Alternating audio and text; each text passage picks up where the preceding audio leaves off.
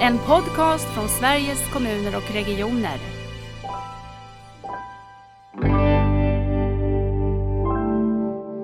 Så, så det, är många, det är både timingfrågor, det är formfrågor eh, men också budskapsfrågor som jag tänker att här, här, här ska kommunikatörerna vara inne och eh, eh bidra.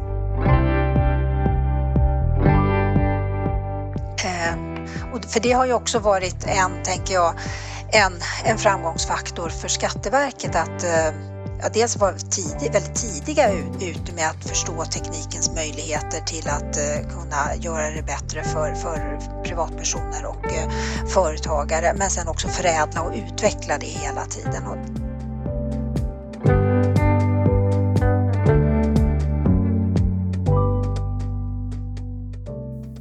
Idag i Nära vårdpodden så ska vi få lära oss hur en helt annan bransch har jobbat med stora omställningar som spelar mycket roll för invånarna. Så välkommen till Nära vårdpodden Marie Lindström. Tack så hemskt mycket Lisbeth. Spännande att vara här. Ja, men jätteroligt att du eh, kan tänka dig att vara med och berätta om den resa som du har gjort innan du kom till oss på SKR. För idag finns du som chef för kommunikationsavdelningen på SKR. Det stämmer. Mm. Men nu, vi börjar med att du berättar lite grann om, om eh, ja, vem du är och vad du har gjort tidigare och, och just din, eh, den bransch som jag vill att vi ska börja prata om idag. Ja, precis. Eh, Marie Lindström heter och jag. och jag har jobbat med kommunikationsfrågor i hela mitt yrkesverksamma liv. Eh, jag började min karriär i dåvarande landstinget i Östergötland eh, som, kom, som kommunikatör och sedermera också som eh, informationschef. Där jobbade jag som sagt var i många år och, men jag valde faktiskt att, att gå över till, till, den, till den statliga sidan och det gjorde jag inte för att jag inte tyckte om eh, eh, att jobba i landstinget i Östergötland utan det var fantastiskt fantastiska frågor. Men jag tänkte så här att eh, jag var känd där, jag hade jobbat länge, ah, jag kände många personer. Eh, men jag tänkte så här, nej, jag vill, jag vill göra någonting helt annat eller i en helt annan bransch för att se eh, bär mitt ledarskap och bär mina kommunikationstankar som jag har. Så mm. då gick jag och var med och bildade Transportstyrelsen som då var en helt ny myndighet. Mm. Och efter det då så, och det är det vi kommer eh, beskriva rätt mycket i, den här, i det här samtalet, det är att jag också då eh, började på Skatteverket och eh, nu då sedan ett halvår tillbaka så är jag tillbaka i den här, i den här sektorn då som kommunikationsdirektör här på SKR. Så cirkeln har lite grann slutit sig får man säga. Jag bor i Stockholm, mm. eh, född, upp, född i alla fall här men har bott merparten av mitt liv i Östergötland så Östergötland ligger varmt om hjärtat. Men eh, nu är jag tillbaka sedan 8-9 år tillbaka till Stockholm igen så att eh, jag har två ben. Eh, är, jag har två, två, två städer som, som klappar för mitt hjärta. Det är både Linköping och Östergötland och sen är det Stockholm. Mm. Ja, det är inte alltid man har såna här riktiga stockholmare med sig. Många är ju verkligen inflyttade, men där är du född. Ja. Var i Stockholm finns du? Var bor du? Du sitter hemma idag vet jag. Jag sitter hemma ja, och jag sitter mitt i, mitt i city i, på, i Östermalm som är en, en stadsdel här i centrala Stockholm. Mm. Du, när du, på tal om ledarskap, när du inte jobbar, vad, vad gör du för att eh, koppla av och för att njuta av annat i livet? Vad är dina intressen? Jag tycker väldigt mycket om naturen så att, eh, och eftersom jag också är en utpräglad stadsmänniska så behöver jag också komma ut i naturen. Eh, så mm. här, återigen här har jag två ben. Jag är väldigt förtjust i, landet och i naturen men också i staden. Så, men eftersom jag lever och verkar i staden så vill jag gärna på min fritid gå ut i naturen och eh, jag har ofta hand om mina, min dotters hundar så det är ju ett mm. fantastiskt sällskap ute i skogen. Ja, det håller jag med om. Jag berättade just, eller vi pratade just om det när vi började spela in att i, jag sitter uppe i Luleå idag och vi har ganska rejält med snö och några minusgrader och hundpromenaden på morgonen är ju faktiskt fantastisk då. Men Marie, jag tänkte på en sak som du sa nu när du berättade att du började i eh, Östergötland, i landstinget i Östergötland och då var du informationschef. Eh, kan inte du säga något? För jag tänker att det där är också ett skifte som har skett genom åren. Från att man hade informationsavdelningar och informationschefer till att man har kommunikationsavdelningar och kommunikationsdirektörer och eh, kommunikationschefer. Varför har det hänt och vad är kommunikation för dig som har jobbat med det hela ditt liv? Ja, att eh, själva professionen kommunikatör, som det nu heter, och det heter då informatör på, i, den, i tidernas begynnelse.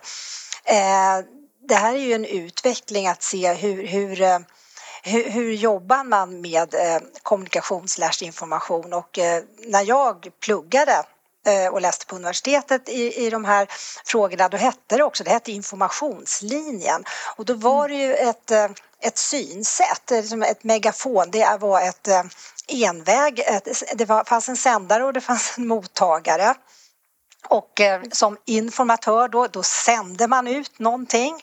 Eh, men det är naturligtvis så handlar ju inte, det handlar ju inte om det utan det handlar ju om kommunikation, alltså ett ett samtal, det, det, finns liksom ingen sändare och mottagare utan det är ju någonting däremellan. Det måste liksom ske någon feedback. Man kan inte bara stå med megafon och, och tro sig att eh, de budskap som man, som man vill förmedla eh, når fram om det inte heller finns en feedback och inte heller ett, ett eh, en dialog. Så att mm. successivt i, i, liksom, i utvecklingen här så har ju då eh, informatörer ja, hela, hela liksom benämningen, nu är det ju kommunikation för det är det det handlar om.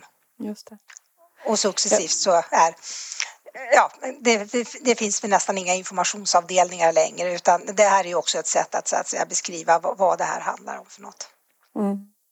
För det tänker jag också, vi pratar mycket om våra förändrade beteenden eh, från egentligen internets intåg och, och Eh, att kunskap kan inte ägas bara av några som sitter i en verksamhet utan kunskapen flödar ju så fritt. Och det här är, handlar ju väldigt mycket, vad ska jag säga, om kommunikation också. Så jag kan tänka mig att det här måste ju vara en av våra viktigaste frågor framåt, hur den här dialogen som du säger ska, var den ska äga rum, hur den ska äga rum och Eh, jag tycker att det är väldigt viktigt också för nära vårdomställningen. Hur har vi dialogen kring det här? Medarbetare och chefer emellan, men inte minst med invånarna. Tänker du någonting kring det här eh, hela landskapet med kommunikation som, som väl har förändrats otroligt bara med sociala medier?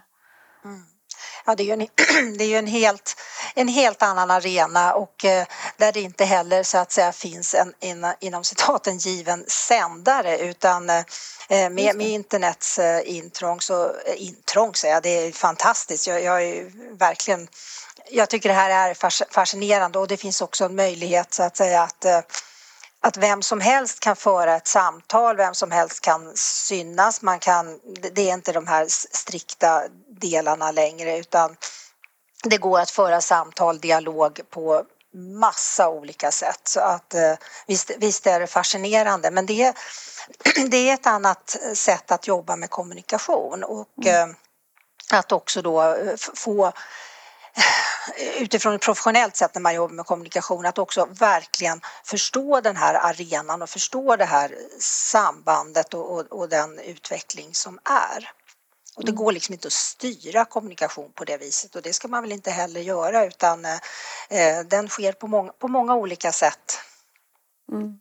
Ja, I alla fall mycket lättare tänker jag att ha dialogen med invånarna och i offentligt eh, eh, offentlig verksamhet är ju det så otroligt centralt.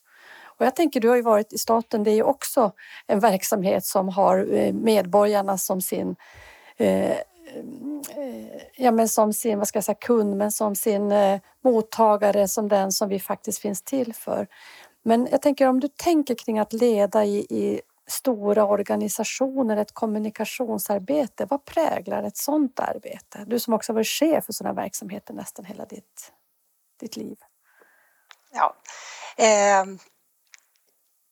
att, att befinna sig i offentlig sektor är ju att också hela tiden tjäna invånarna eller medborgarna eller patienterna eller vad det är för någonting och det är ju det som också som eh, är så fascinerande i det här att också att man är en del av samhället. Eh, mm. Att leda kommunikation i stora organisationer är ju, det är ju komplext. Det är mm och det finns många målgrupperna är oftast väldigt stora och det är inga homogena målgrupper. Ja, så, så visst, det, det är ett komplext arbete men det som präglar kommunikationsverksamhet i sådana i, i, stora komplexa organisationer det är ju att kommunikation är inget egen det är ingen eget värde utan det är ju en del utav verksamheten och eh, det tror jag är den viktigaste delen och att man också, också måste man måste jobba i team, man måste samarbeta för, eh, för så att säga, för det, goda, för det godas är och vad, vad då är vad vad är det som är prioriterat och för vilka målgrupper och också vara oerhört lyhörd för, för sina målgrupper så att det inte blir mm. ett navelskåderi att man vill kommunicera ut, vilket man då ofta ibland kan höra, eh, mm. saker och ting som kanske inte alls är relevant eller som inte är timing på och så vidare. Så det är komplext. Ja. Jag, jag tänker om vi ska röra oss då till Skatteverket. Jag tror att de allra flesta av oss har faktiskt märkt av, även om man inte till vardags har så jättemycket med Skatteverket alltid att göra, så har man märkt av att Skatteverket ändrade på något sätt sin skepnad, ändrade hela sitt, eh, sitt sätt att, att möta oss som medborgare. Eh, jag vet att jag tänkt någon gång när det var dags för deklaration och man kunde se dem ut man kunde se Skatteverkets medarbetare ute på köpcentren och det var väldigt mycket öppet för dialog och så. Och jag vet också i möten med Skatteverket att man känner att det har gjorts en stor kulturresa där. Och det tycker jag att det är ju kanske inte så många branscher som man eh, känner av det där och faktiskt reflekterar kring det. Kan inte du berätta om Skatteverket? Vad är det ni gjorde på Skatteverket och, och hur lyckades ni med det? Men börja med att berätta vad är det som är gjort? Hur jobbar ni med förändring där? Mm. Det här är ju en jättelång förändring så att det här är ju ingen quick fix eller någonting som har skett eh, från den ena dagen till den andra. Eh, mycket nyfikenhet när jag själv kom till Skatteverket. Var, först tänkte jag så här, vad ska jag dit och göra? Allting känns ju klart. För det här var ju då vid 2012 och eh, mycket hade hänt. Det gick, var jättelätt att eh, deklarera och eh, ja, det var jättehögt förtroende för Skatteverket. Och då tänkte jag, men Ja, vad är det här? Jag är ingen, jag är ingen förvaltningsmänniska, jag är en förändringsmänniska. Så tänker det här, mm. nej, fy vad tråkigt. Men så tänkte jag så här, så fascinerande att få möjligheten att komma in i en verksamhet där det har hänt så mycket. Vad kan man lära utav det och vad är egentligen klon till att det ändå har blivit den här förändringen i den här myndigheten? Och som sagt var, jag var på Skatteverket i ungefär nio år. Mm. Eh, och många frågar ju också då naturligtvis, vad är klon? Vad är det som har gjort att Skatteverket fortsatt också har ett väldigt högt förtroende eh, och, eh, och att det fungerar, att det är en sån välskött verksamhet? Mm. Eh, men det, trå det tråkiga svaret är att ja, det vet, det vet man egentligen inte riktigt utan det är ju många, många, olika, eh, många olika faktorer för att, eh, att eh, Skatteverket ändå att det har fungerat och fungerar just nu också så väldigt bra. Men i ett långt perspektiv, och det här börjar ju liksom redan på 70-80-talet när man började titta, man kallar det för en fruktad fogde till omtyckt servicemyndighet. Och det här skedde ju inte heller under en, hel, eh, under en natt utan eh, de delar ändå som man ändå kan se har gjort att eh, den här framgången, ja dels är det ju synen på, på människor Mm. Det är ju liksom inte människors fel att, man inte, att, att det blir fel utan många gånger så är det ju fel på förutsättningarna. Det, har man en jättekrånglig blankett som det var då, ja men mm. hur, hur lätt är det inte då att göra fel och krångligt och man inte riktigt förstår. Så just det här synen på att människor, alla människor vill, de, i alla fall, ja, alla fall, ja, merparten av människor är, vill göra rätt bara man har rätt förutsättningar. Mm. Så bara den liksom mindsetet var ju väldigt viktigt och, och allt eftersom. Och sen också servicebegreppet, att, eh, att ge en god service och ge ett gott bemötande, även om beskedet är kanske inte så roligt. Men mm. att ge, att också alltid se människan och, eh, och att ge ett gott bemötande. Det gör ju också viljan att man vill, för man vill ju göra rätt. Mm. Man vill ju göra det och blir man då bemött på, på det utifrån det mindsetet då, då blir det mycket bättre. Jag tänker att det är ju eh, det låter så enkelt men, men det här med att göra stora kulturskiften eh, i synen på människor eh, och synen egentligen på sin egen roll i förhållande till människor. För det är ju det du beskriver, från den här fruktade fågeln, den som visste hur, hur det skulle vara och behövde kontrollera att människor levde efter det som ni sa till att se att man skulle hjälpa människor att vara den här servicemyndigheten. Det, det låter ju inte så krångligt. Eh, men eh, jag tänker att kulturskiften ändå är svåra. Hur gör man det praktiskt? Ja, och det är ju inte heller någonting quick fix. då finns det ju... För det första så måste det finnas, tänker jag, eldsjälar som verkligen driver och, och som, som, som driver en, en ny förändring, en ny kultur i en organisation. Och det har verkligen Skatteverket haft och också inne i Skatteverket. Så det är inte någon utifrån som har kommit och talat om, när nu är ni Skatteverket så ska ni tänka så här istället, utan successivt eh, fantastiska eldsjälar som har arbetat eh, så att säga, i, i den här riktningen. Eh, det har också funnits, oavsett om det har varit byte på, på, på ledande personer i, i, i styrande ställning i, i myndigheten så har ändå den här, den här viljan och den här inriktningen har hela tiden, har hela tiden präglat eh, Skatteverket. Så det tror jag är en sån här del också, att man har en väldigt tydlig ledning. Eh, men det är klart att det här tar ju tid. Eh, rent praktiskt så successivt i olika perspektiv så har det ju då skett och där kommer vi in på det lite grann som du frågade tidigare Lisbeth, det här med mm. information kontra kommunikation. Just det. Just det. En sån här stor kulturförändring går inte att genomföra med information för att det råkar finnas någon som vill informera att nu ska det bli bättre att göra på det här sättet. Nej. Utan det är ju ett fantastiskt och gigantiskt stort arbete som genom årtionden har gjorts på Skatteverket där det har varit en involvering och en dialog med alla medarbetare. Eh, dels What's in it for me, eh, dialog mm. kring olika dilemman. Om det, om det uppstår den här, hur ska vi tänka, hur ska vi göra då? Eh, och mm. successivt då hela tiden också ett fokus, inte fokus på Skatteverkets medarbetare själva eller Skatteverket. Skatteverket är ju ingenting, så att säga, det, det är inte det som är det viktiga utan det är ju, det är ju eh, hur, hur, samhället ser ut och eh, de, de privatpersoner och företag som, som eh, som Skatteverket är till för. Att mm. hela tiden också titta på, okej, okay, är det så här, vad tycker, vad tycker företagarna om det eller vad tycker privatpersonerna om det? Vad är möjligt? Vad är inte möjligt? Så den här levande dialogen och diskussionen den, den måste ju finnas hela tiden och den i fantastiskt utarbetade här, strukturer har det verkligen skett på Skatteverket under jättemånga år. Det är ganska fascinerande att du beskriver ändå att den, det har på något sätt eh, suttit suttit fast man har bytt personer i ledning och man kan till och med ha bytt generaldirektörer, att det sitter. Eh, för det behöver finnas eldsjälar, det behöver finnas den här energin i organisationen, det är min erfarenhet. Eh, men det måste också sitta, den energin måste sitta så i strukturen och i kulturen så att den överlever byten av, av ledare som ofta har också sina eh, tankar om vad man vill göra med en verksamhet. Hur får man till det? bra rekryteringar kanske. Ja, just det. Ja. Nej, men jag tänker att framgång möter ju, föder ju också framgång. Men, men det, det, är som du säger, dels måste det finnas, det måste finnas en, en stomme så att säga i vad är det, vad är det för riktning man vill, man vill, man vill åstadkomma? Vad är det, var, varför finns man till och vad är det för någonting man vill göra och vad, hur, hur vill man gå, gå framåt?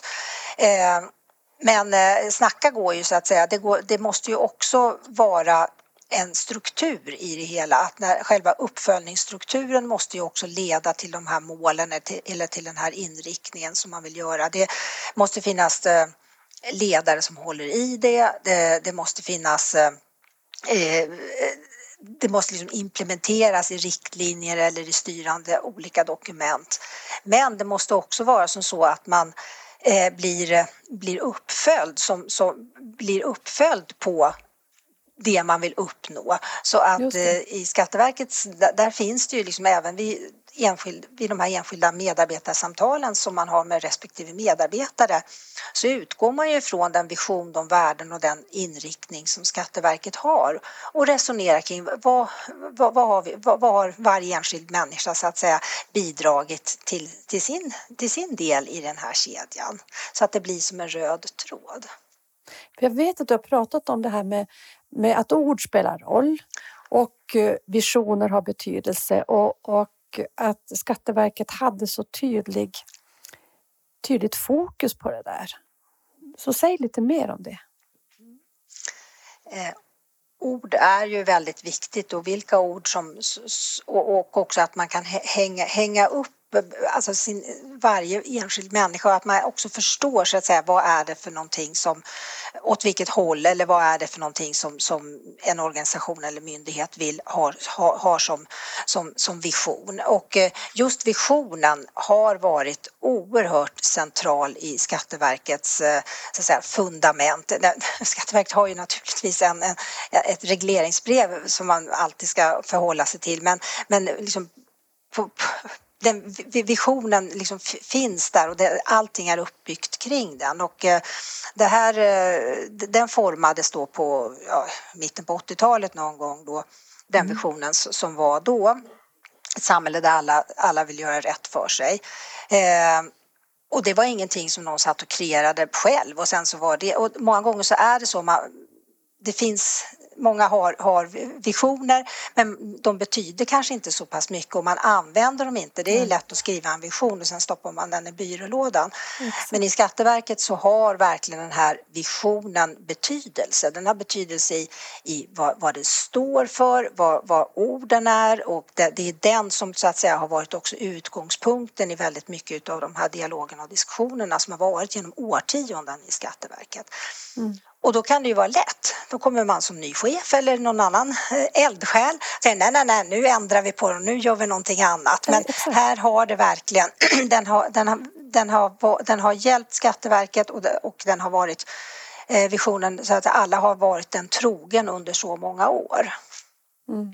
Jag tycker det liknar väldigt mycket, eh, är ganska uppfylld av, vi hade vårt ledarprogram igår och lyssnade då på Alaska som har ställt om hela sitt system Eh, och gjort det ganska unikt för att vara andra system i USA. Och de har ju också sina core principles eller det som är grunden för deras verksamhet och de utbildar utifrån det, de rekryterar utifrån det och jag tycker att jag hör det också i det du berättar om Skatteverket.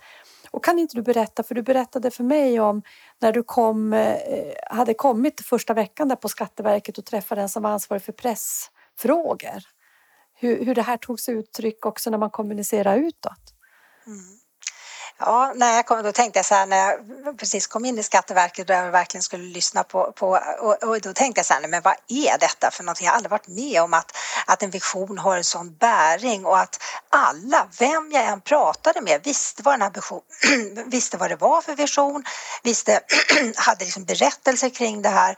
Eh, och sen så hade jag då eh, avstämning med, med pressansvarig hos mig på avdelningen och hon beskrev också då när det gäller våra pressmeddelanden att eh, eh oavsett så att säga, vad det är för någonting så checkar man alltid av den också mot, mot mot visionen att har vi varit hjälpsamma här i den här, i den här i, i det här pressmeddelandet? Har, har vi använt våra värdeord och leder det här mot så att säga? Och det, jag tänkte det här är inte sant, jaha, tänk.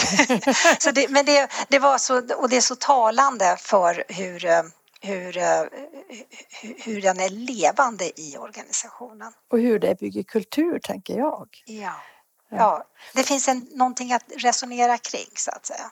Ja, Ja, det är fascinerande. Jag eh, vet ju att runt om i, i Sverige, i, i princip alla län, om vi tänker kommunerna som är ganska många men som tillsammans med regionerna nu eh, har ett gediget arbete med att forma målbilden för nära vård och ibland kan man bli lite otålig och tänka ska man hålla på med det där och kom nu till verkstad. vilket man också gör för man jobbar ju parallellt med, med förändringar såklart. Men, men jag tänker också att det där är viktigt om sådana här stora kulturskiften ska bära över tid. Att man verkligen inte bara gör det här dokumentet som sen när det är klart ställs i någon bokhylla eller finns på någon eh, nersparat fil i, i datorn men man kommer aldrig tillbaka till det. Så trixet är väl att när man har gjort de här bilderna om vart man ska gemensamt, låta det vara styrande i det man gör i vardagen. Så att jag, jag tycker ändå att man ska inte slarva med att tänka att det här är oviktigt. Jag tror att det är otroligt viktigt om man ska göra sådana här förändringar. Det finns en sak som jag har blivit särskilt eh, imponerad av som ni har gjort på Skatteverket och det är ert skiftande fokus. Det här fokuset från eh, inifrån och ut till utifrån och in. Jag tycker att det är få som jag hör beskriva det här så tydligt som du gör när du berättar om Skatteverket och du har fantastiska bilder med solsystemet. Och, men alla de som inte har sett dem, berätta om vad det här skiftet, eh, varför det är viktigt och vad det handlar om och hur ni har tänkt eller tänkte när du var där. Mm. Hela tiden igen igen för att man fortsatt ska vara relevant i en organisation och att hela tiden eh, eh det, det har, Skatteverket har ju varit en fantastisk eh, så att säga, och inriktning och nu pratar vi 80-90-tal, hela den här fantastiska resan. Men det vore ju förskräckligt om man då, och det, det, det, skulle kunna vara så men det har inte skett i Skatteverket, då sätter man sig ner så att säga med armarna i kors och tänker att mm det här går så bra så att det, det är bara att, att, fortsätta på den vägen. Samhället förändras, allting förändras och man måste vara relevant eh, även framgent. Eh, eh, och ungefär vid 2016-2017 så gjordes det ett eh, gigantiskt arbete igen att se är, är den inriktning och den vision och, och det så att säga som, vi, som har tjänat Skatteverket så fantastiskt väl under så många år. Eh, kommer det att tjäna Skatteverket väl även framgent. Eh, mm. Och det här är ju jätteviktigt att, att sätta sig verkligen ner och fundera på oavsett om allting går jättebra, eh, att ta in omvärldsfaktorer och omvärldsdelar och också fundera på okej, okay, nu är vi här, men hur ska vi fortsatt vara relevanta och eh, och vara en, en, en viktig samhällsaktör. Mm. Och då gjorde, då, mycket vatten har ju så att säga runnit under broarna eh, och lite grann kan det ha varit också tidigare att det, det har varit att ja, Skatteverket är en stor och stark eh, eh, organisation.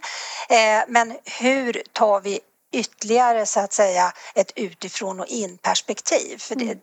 Det och, för, och, och, och, i det här perspektivet då så började det att resoneras och du, du hänvisar till det här solsystemet och det är ju också Eh, det var lätt tidigare i, i den myndigheten men det är lätt på alla andra ställen också att man pratar om eh, kundperspektiv eller patientperspektiv. Vi är, så orienterade, vi är så patientorienterade eller kundorienterade eller vad det kan vara för någonting.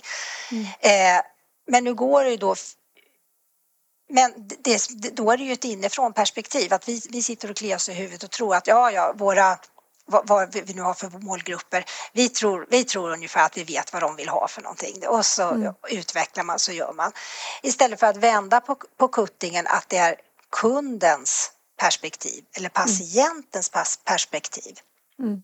Och börjar man att tänka så då måste man gå ut ur från sig själv och verkligen fundera på hur ser målgrupperna ut? Vad har de för resa? Vad, vad ser, befinner de sig i för system? Eller vad är mm. de i för situation? Det är inte så att eh, alla privatpersoner och företagare sitter och tänker hela dagarna på hur, det är att komma till Skatteverket eller hur man ska... Alltså det är ju så att säga i ett system tillsammans med så pass mycket annat. Mm. Och det här att just att försätta sig att man inte själv är solen i planetsystemet utan man är, är bara en del i någonting bland massa andra aktörer och den som är i solen i centrum det är målgruppen, patienten eller kunden eller företagaren eller vad det nu må vara. Mm. Eh, och då när man börjar resonera och tänka sådär eh, på ett väldigt, så att säga, på, på riktigt, då ser man ju, och då, det är då man kommer till den här delen att okej, okay, då måste vi ju kroka arm med så många andra aktörer för att det ska bli den helhetsupplevelsen för vår kund eller patient ska bli ja. bra. Jag tycker det där är så otroligt relevant för den här stora omställningen vi gör nu, för den handlar ju dels verkligen om att ta patientens eller personens perspektiv och inse att när vi gör det så ser vi att ja, men för att det ska bli bra för många av våra eh, patienter så krävs det ju samarbete mellan våra olika delar och hälso och sjukvård har ju byggts upp så på ett fantastiskt också kvalitativt sätt men väldigt subspecialiserat och vi har våra små fack och stuprör. Och eh, vi, för, för den enskilde så är det otroligt viktigt att det här hänger ihop. Annars blir det ju absolut varken bra kvalitet eller möjligheten att på ett bra sätt kunna leva som många får göra då med sina sjukdomar livslångt utan att hela tiden måste rigga systemet på något sätt själv. Ehm, min erfarenhet är också att det är kanske är det svåraste man gör för jag tror att när man har patientperspektivet, inte patientens perspektiv, så kan man ju också känna och att ja, men jag gör ju det här och jag gör ju det här gott och jag vill inget annat än gott och det vill inte vi som är medarbetare. Jag tänker varken på Skatteverket eller i hälso och sjukvård. Utan man måste som uppleva när man inser att jo, jag vill väl, men då måste jag ta ytterligare ett steg. Jag måste vara intresserad av patientens perspektiv, inte bara patientperspektivet. Och, och att leda det där, det är inte så himla enkelt för att eh, man måste få människor att känna att det finns någonting i det här för mig. Och det är inte att säga att du gör någonting dåligt idag.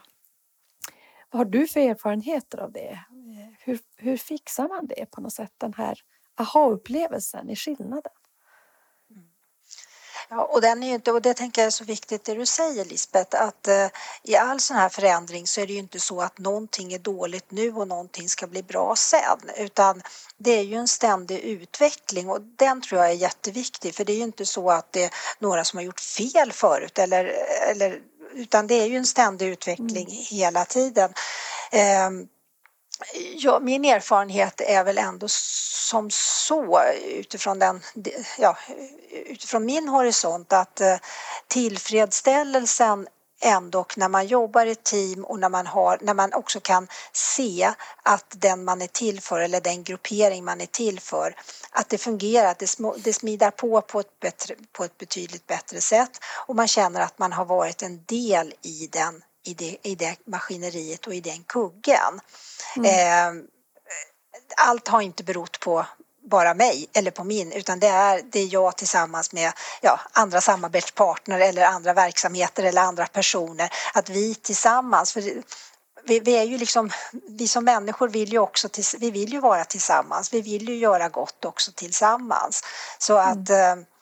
eh, det här är ju också en utveckling och det är klart att eh, det finns revirtänkande och det finns makttänkande och det, det mm. finns eh, och så. Men, men successivt då börjar man så att säga gå, gå, ur, gå ur sig själv eller sin egen verksamhet och just ta det här perspektivet, kundens eller patientens perspektiv eh, och sätta sig i den, i den då, om, man också känner att man kan bidra där. Så, men som sagt det här är ju inte heller helt lätt och det, det är ju ingen som, som gör någonting annat av ondo utan alla mm. gör så gott de kan. Men börjar man att resonera kring, kring det här, det är också ett resonemang. Det, mm. Jag tänker ingenting sker över en natt och då kan vi, och jag tänker den ödmjukheten har jag verkligen fått mig till, både när jag ser det här fantastiska arbetet som sker här i nära vård men även när mm. jag tittar tillbaka på hur Skatteverket genom åren har, har utvecklats. Ingenting går fort utan det,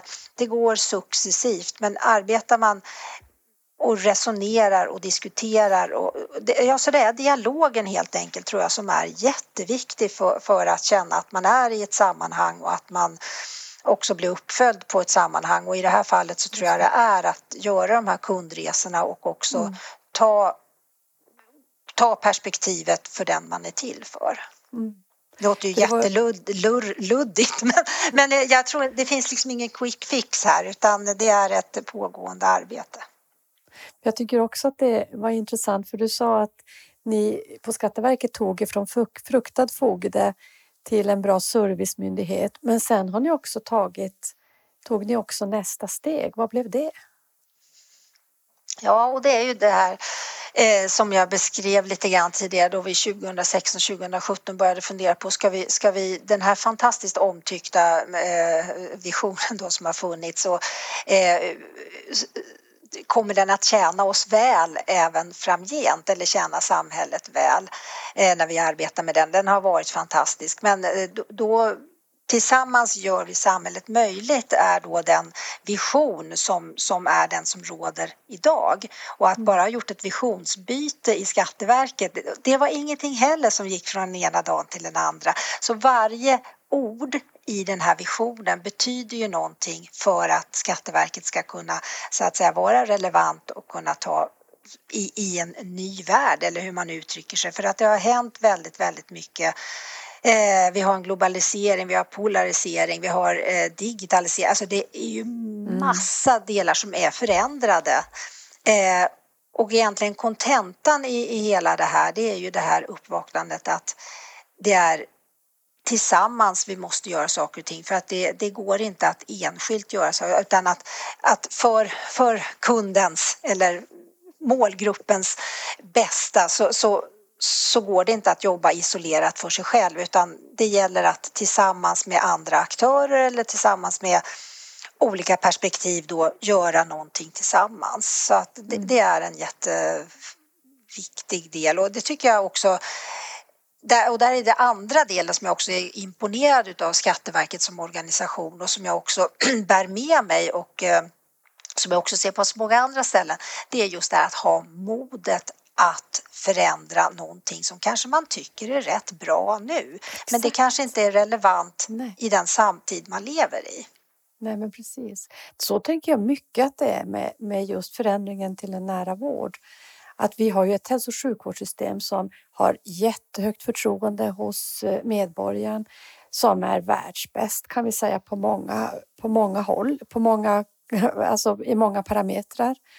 Eh, men vi har också en samtid som förändras, både behov som förändras men också som du säger allt det här med eh, digitalisering, globalisering, det påverkar ju också hälso och sjukvården. Och att då orka med att driva förändring för att också vara i världsklass när vi tittar framåt. Det är ju väldigt, eh, väldigt viktigt men inte helt enkelt.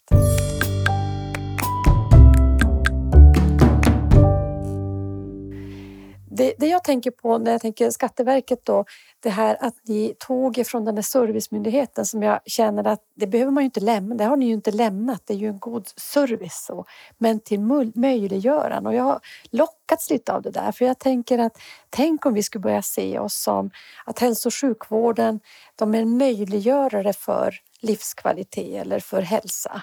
Eh, för att då har man ju det här tillsammans, då måste man ju jobba tillsammans och då måste man ju vara intresserad av patientens perspektiv, inte bara patientperspektivet. Det är mycket av personcentrering i det för mig. Så att jag tycker det, det lockar mig lite, det triggar mig eller gör mig glad att tänka lite, få tänka lite kreativt så. Tänk när vi säger att hälso och sjukvården det är en möjliggörare för din hälsa. För hälsan äger ju människor själv, den kan man ju aldrig äga i, i en sektor.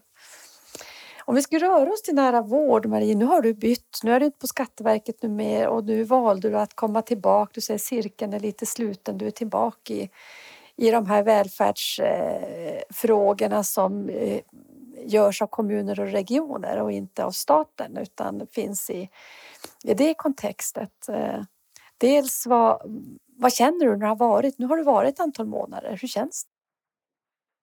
Ja, det är, det är ju jätteroligt och möten med alla dessa fantastiska människor. Och vad, vad, vad, som slår mig som jag tycker är så, nu har jag ju förmånen att få, få lyssna på föredragningar både eh, och goda exempel som finns eh, både i kommuner och regioner. Och eh, det, det slås ju så mycket fint jobb som verkligen görs. Och så det, ja, men man blir väldigt glad och det, det är klart att det är väldigt många olika saker som görs men det är ju så härligt att se engagerade och höra den här ändå framåt, eh, framåtandan och goet som finns. Det, det, känns, det, känns, det känns roligt, verkligen. Men det är, mm. det är ju svårt. Det är ju väldigt många stora utmaningar eh, som, som den här sektorn står inför och inte minst så att säga med den demografiska utvecklingen med med hälsoaspekterna. Med, alltså, mm. så, så det, är ju så, det är ju så stort och det är så mycket. Så det, och jag kände så här när jag kommer in här att ja, kära någon, det är ett smörgåsbord av fascinerande saker som man så gärna vill vara en del, man vill vara en liten del i allt. Jag förstår, jag tänker, du har ju också det stora paraplyet på något sätt med, med allt det som är välfärden handlar om ur ja. kommun och regionperspektiv.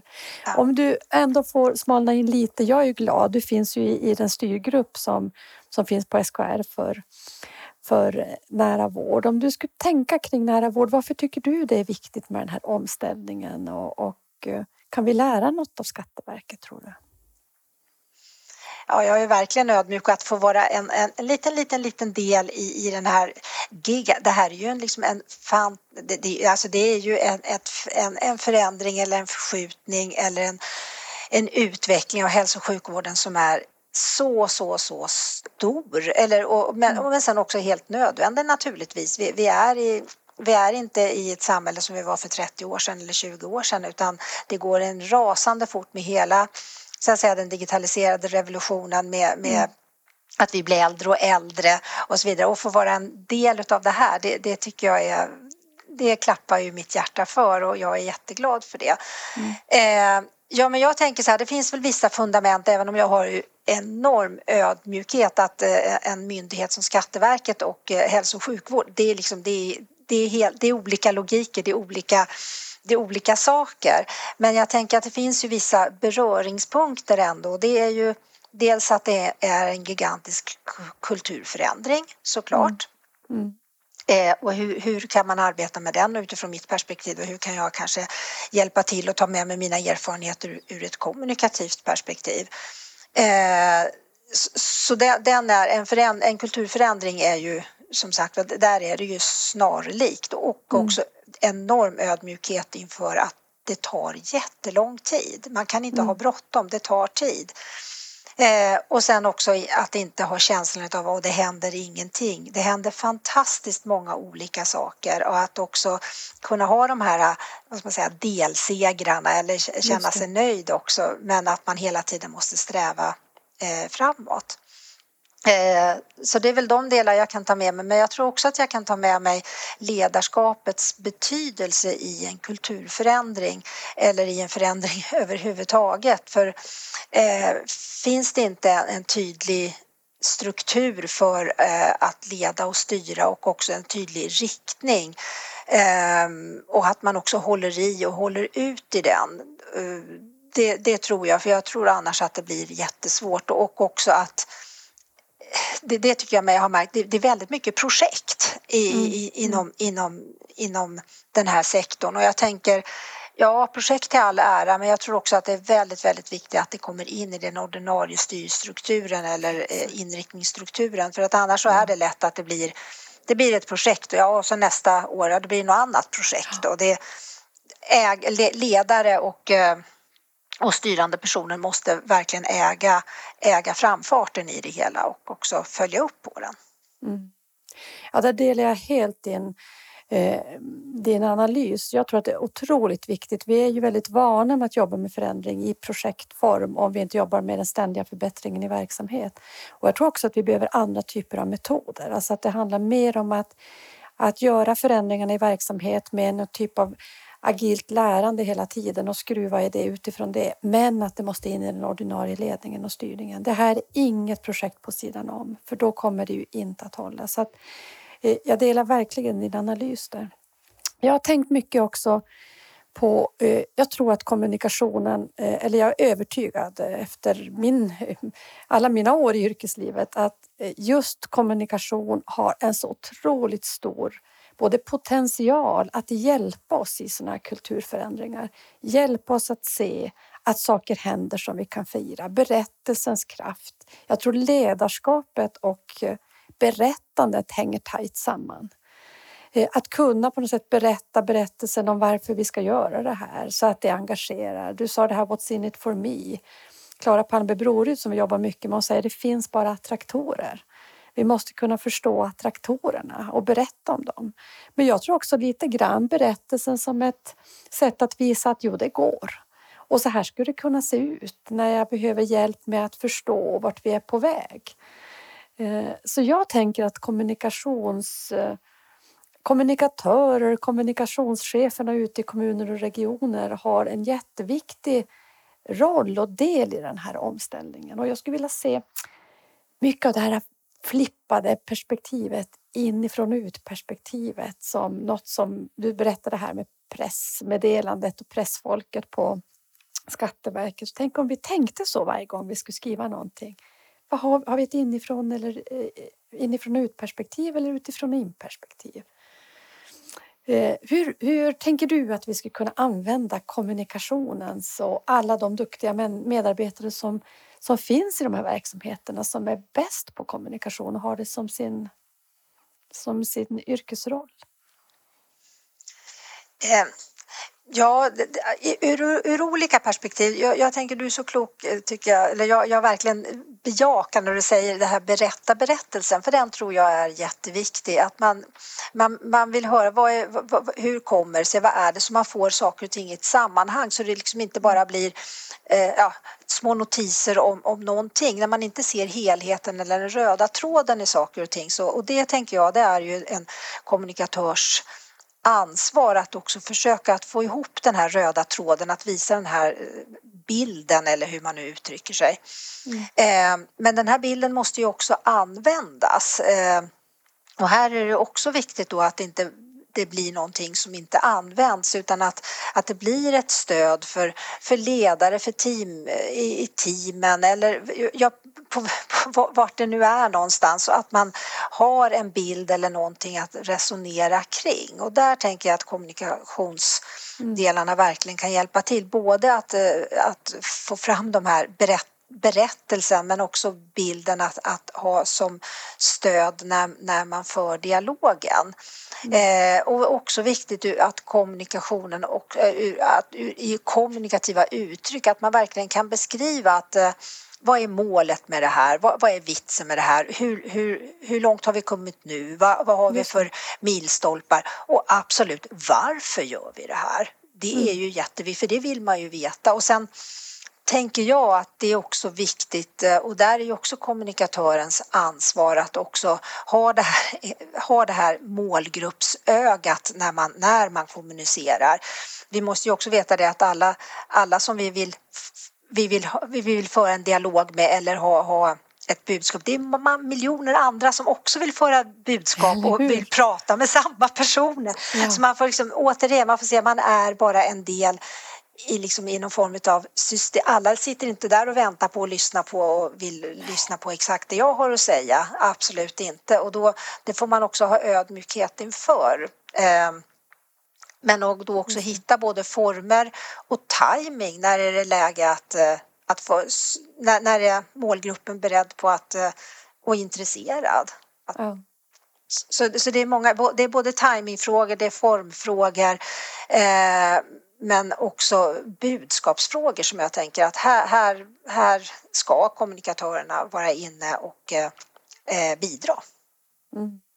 Och jag tycker också att jag ser ett allt mer hur vi börjar binda ihop så att, det inte, så att många olika av de här eh, kompetenserna som finns i kommuner och regioner också engagerade. Det är både kommunikations eh, kompetensen, ekonomikompetensen, HR-kompetensen. Att, att det här blir en förändring som omfattar alla delar i våra organisationer, så det är jätteroligt.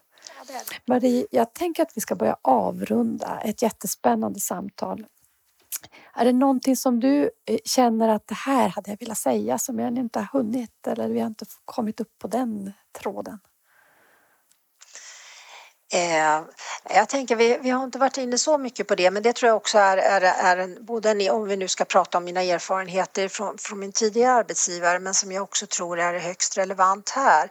Det är ju att, ehm, och, och i hela nära vård eh, kulturförändringen, det är ju att, att verkligen också eh, anamma, förstå, ha kunskap men också arbeta med hela den här den, den digitaliserade idén som jag ser som en, mm. en verksamhetsutveckling med att verkligen ta Eh, ta, ta, dra nytta utav den tekniska utveckling som finns.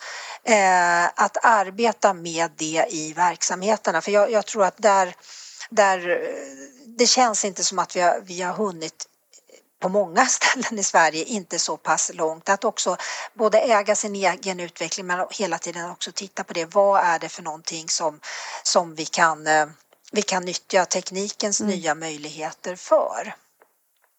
Eh, ja, och för det har ju också varit en, tänker jag, en, en framgångsfaktor för Skatteverket att eh, ja, dels var tidig, väldigt tidiga ute med att förstå teknikens möjligheter till att eh, kunna göra det bättre för, för privatpersoner och eh, företagare men sen också förädla och utveckla det hela tiden. Och mm. Det tänker jag, den delen är nog jätteangelägen här. Ja, jag håller ja, fullständigt med dig. Jag tänker, eftersom det här handlar så mycket om att skapa tjänsterna på nya sätt och då är ju digitaliseringen ett väldigt, väldigt starkt eh, stark möjliggörare. Och jag tänker också på det här äh, Skatteverket som möjliggörare, vården som möjliggörare för din hälsa, kanske också för självständighet. Att, att med mycket av det digitala så kan man ju fortsätta leva eh, liv utan att hela tiden behöva ta sig till vården till exempel eller kunna ha större trygghet för att man har koll på sin sjukdom genom att man kan hemmonitorera till exempel och och det skapar mycket värde för den som ska leva långvarigt med sjukdomar att kunna få leva så normalt som möjligt. Så att eh, jag, jag håller med dig att eh, kroka än mer arm tänker jag också med den digitaliseringsutveckling som sker och att det här inte får bli två olika spår i våra verksamheter utan att det måste hänga ihop tätt. Mm. Nej, men jag, jag, jag, jag tänker det, det måste göra det. Och Eh, som sagt, jag vet att du frågade mig vid något annat tillfälle eller någon annan, vad betyder nära för dig? Och jag tänkte, mm. ja vad betyder det? Och jag tänkte, jag var tvungen att googla på ordet nära för jag tänker, vad kan det? Och då, var, då kom det fram på kort avstånd, vilket jag tycker är väldigt fint. Och då tänker jag så här, ja på kort avstånd och det kanske är det absolut kortaste avståndet för vissa utav våra målgrupper i hälso och sjukvården det är ju verkligen att, eh, att slå på datorn och få någonting gjort eh, eller få en möjlighet att kunna med digitala, den digitala hjälpen eh, kunna få Få, få, den service eller vad man nu behöver göra för någonting. Så det är väl klart att eh, allting det, det, är på kort avstånd och då kan man ju fråga, då det är olika för olika och det gäller att ha en palett av olika delar men för många i vårt samhälle tänker jag att det, det absolut kortaste avståndet det, det är just att kunna få eh, en tjänst via sin telefon eller dator. Och det var ju ett jättebra slutord. Tack så mycket Marie för att du ville vara med i Nära vårdpodden. Tack så mycket för att jag fick vara med.